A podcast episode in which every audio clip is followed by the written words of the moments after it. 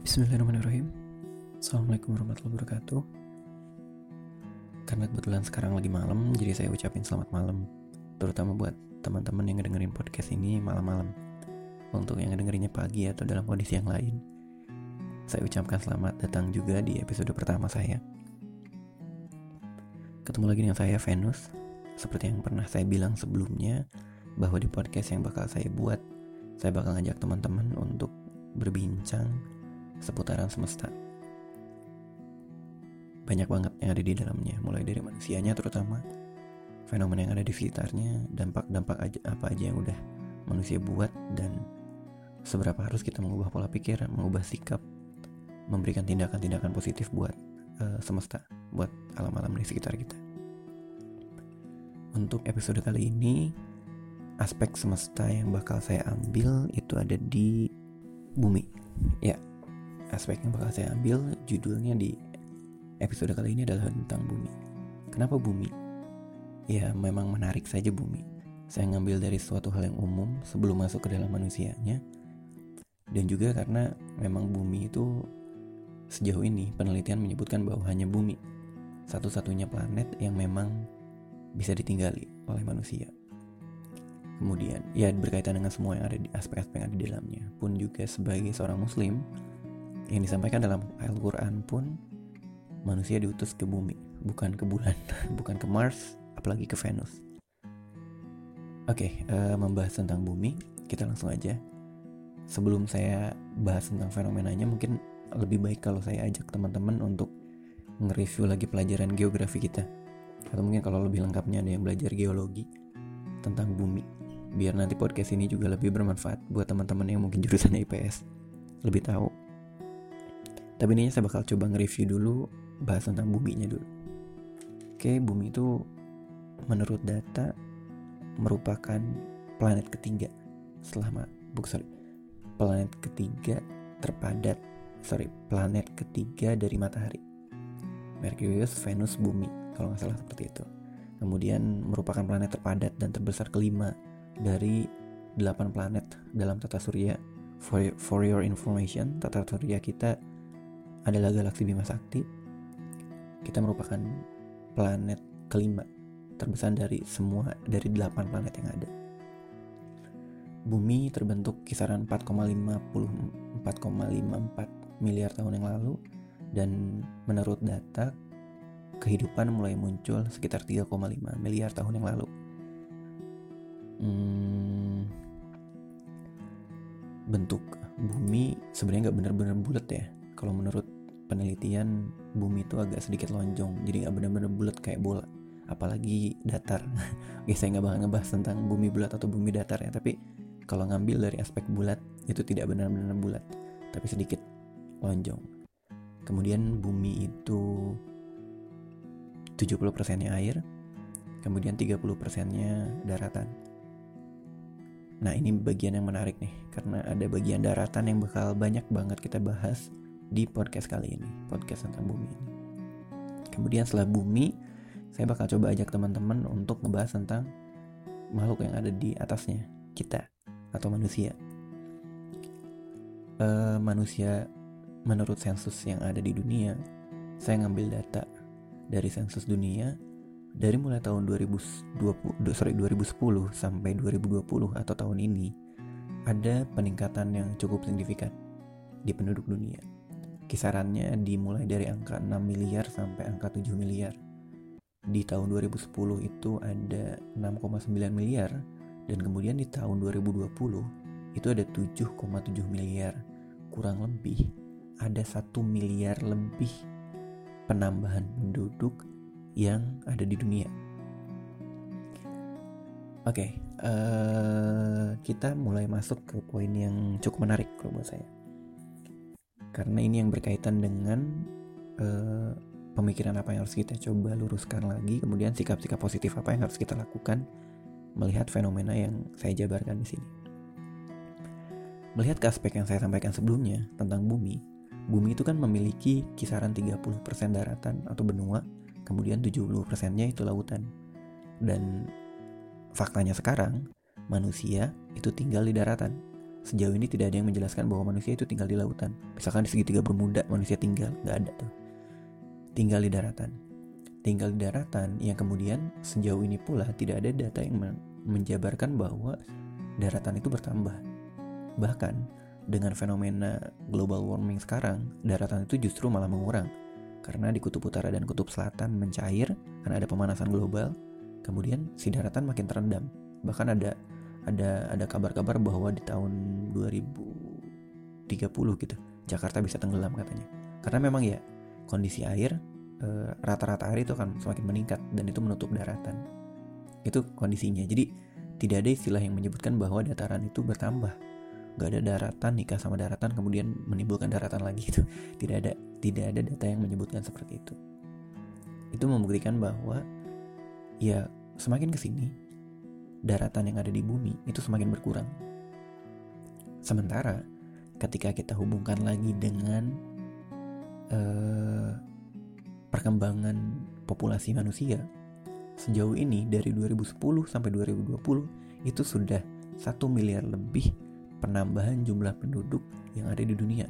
Saya tidak bilang di Indonesia, tapi di dunia.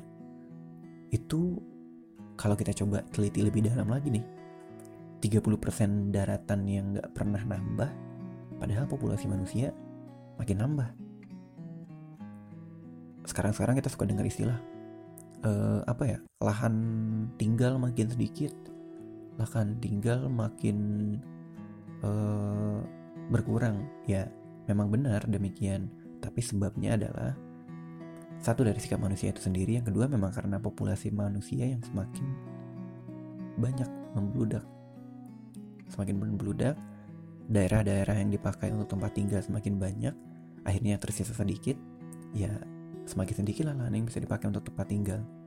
Alasannya banyak banget, mulai dari karena memang digunakan untuk lahan bisnis, bisa jadi juga karena dipakai perkebunan, dipakai tempat tinggal juga dan lain sebagainya sehingga semakin sedikit lah lahan-lahan yang bisa dipakai untuk tempat tinggal. Oke, okay itu baru kita bicara tentang lahan. Sebenarnya ada satu poin paling penting yang kenapa saya pengen bahas tentang bumi nih. Yaitu ketika kita bicara tentang satu poin yang ini kalau buat saya penting banget. Ini bukan make up. Oke, bukan make up yang penting banget kan kalau menurut cewek sandang pangan papan gibah ya. Tapi ini bukan. Ini bukan make up, ini bukan duit, ini bukan cinta, ini bukan pasangan hidup. Ini ada salah satu yang cukup krusial yang dibutuhkan oleh manusia kalau ini gak ada atau ini diberbayarkan ya kita bisa mati. Kita bisa uh, apa ya istilahnya mati lah ya gitu seperti itu. Apa itu? Oksigen. Oke sejauh ini di satu sisi daratan semakin sedikit karena ditinggali juga uh, karena terendam pemanasan global di sisi lain populasi penduduk semakin banyak. Di sisi lainnya lagi semakin banyak lahan-lahan atau area-area yang digunakan sebagai tempat tinggal atau tempat bisnis atau tempat ekonomi, berjalannya ekonomi atau perkebunan mungkin, maka semakin sedikit lahan hijau yang kemudian akan memproduksi oksigen yang sejauh ini kita kita konsumsi. Nah ini nih poin menariknya, poin menarik dan cukup penting juga. Sejauh ini perkembangan populasi penduduk itu semakin banyak, lahan semakin sedikit, lahan hijaunya pun semakin sedikit. Banyak banget sebabnya, karena penebangan pohon liar, kebakaran hutan, pembabadan untuk digunakan sebagai lahan tempat tinggal, dan lain sebagainya itu juga mengurangi eh, lahan-lahan hijau yang ada di dunia. Sementara orang nafas tuh gak bisa ditahan, gak bisa tiba-tiba, bro, Ven, Venus, Venus, lu coba bernafas di jam pertama, tahan satu jam lagi jangan nafas, terus jam berikutnya kita nafas lagi, gak bisa gitu untuk hidup 24 jam kita perlu nafas 24 jam. Manusia makin banyak, makin banyak oksigen yang kita konsumsi.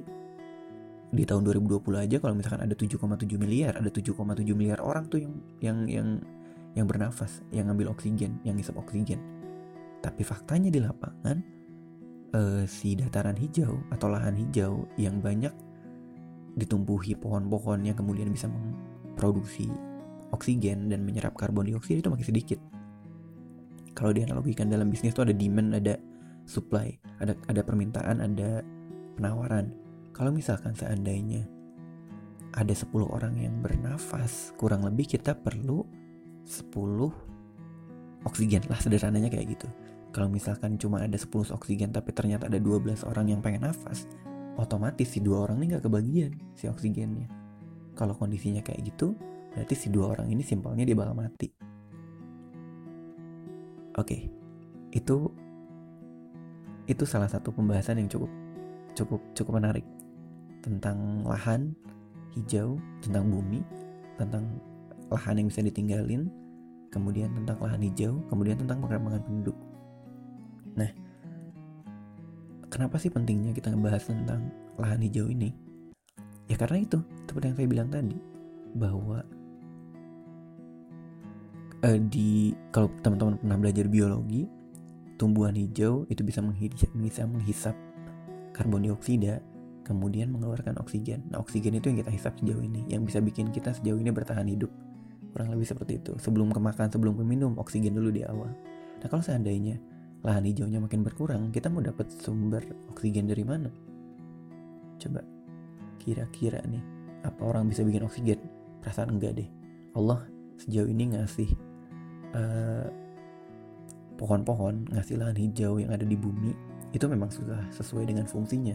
Salah satu fungsinya adalah untuk memproduksi oksigen yang dibutuhkan oleh manusia itu sendiri.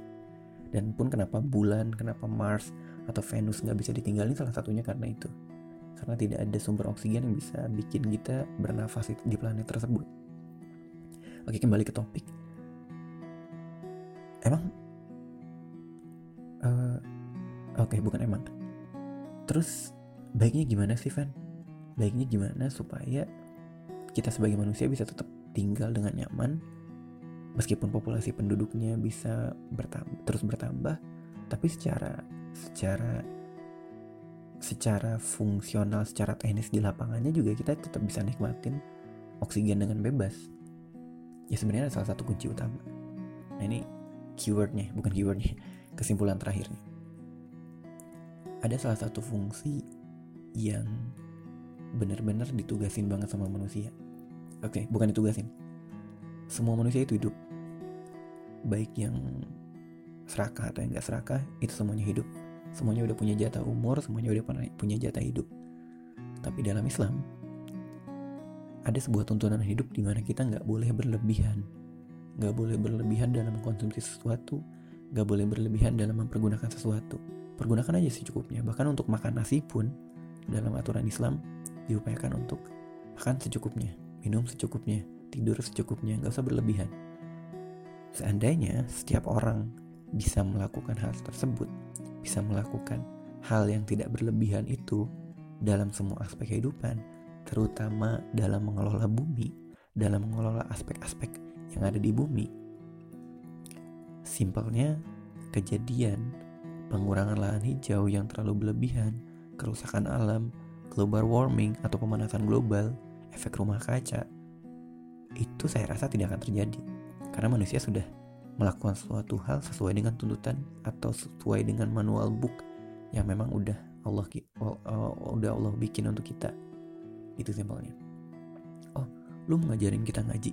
Oh sebenarnya ngaji itu di alam semesta ya tapi intinya adalah ketika kita tidak bertindak secara berlebihan maka kerusakan pun tidak akan terjadi secara berlebihan. Sebenarnya itu poin intinya pembahasan tentang bumi. Bagaimana caranya kita sebagai manusia berinteraksi atau memperlakukan bumi yang udah Allah titip sama kita sesuai dengan porsinya, tidak berlebihan, tidak sak kumah karepnya, tapi secukupnya. Terakhir dari saya,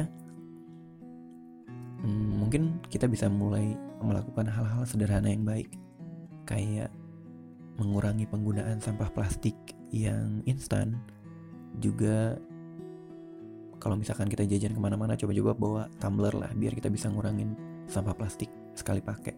Kemudian bawa toples juga mungkin biar kalau beli batagor atau beli bakso tahu nggak usah pakai plastik. Langsung aja masukin ke toples. Buang sampah pada tempatnya juga. Kemudian jangan jangan tebang pohon sembarangan upayakan tebang pilih dan masih banyak hal positif sederhana lain yang kita sebagai muslim ataupun bukan muslim bisa lakukan untuk minimal memperlambat kerusakan dari bumi.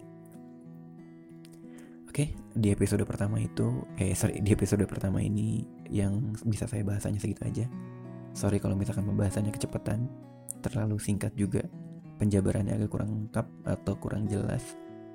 Teman-teman bisa uh, komen di message kirimin ke saya kalau misalkan ada pembaruan yang memang harus saya perbaharui.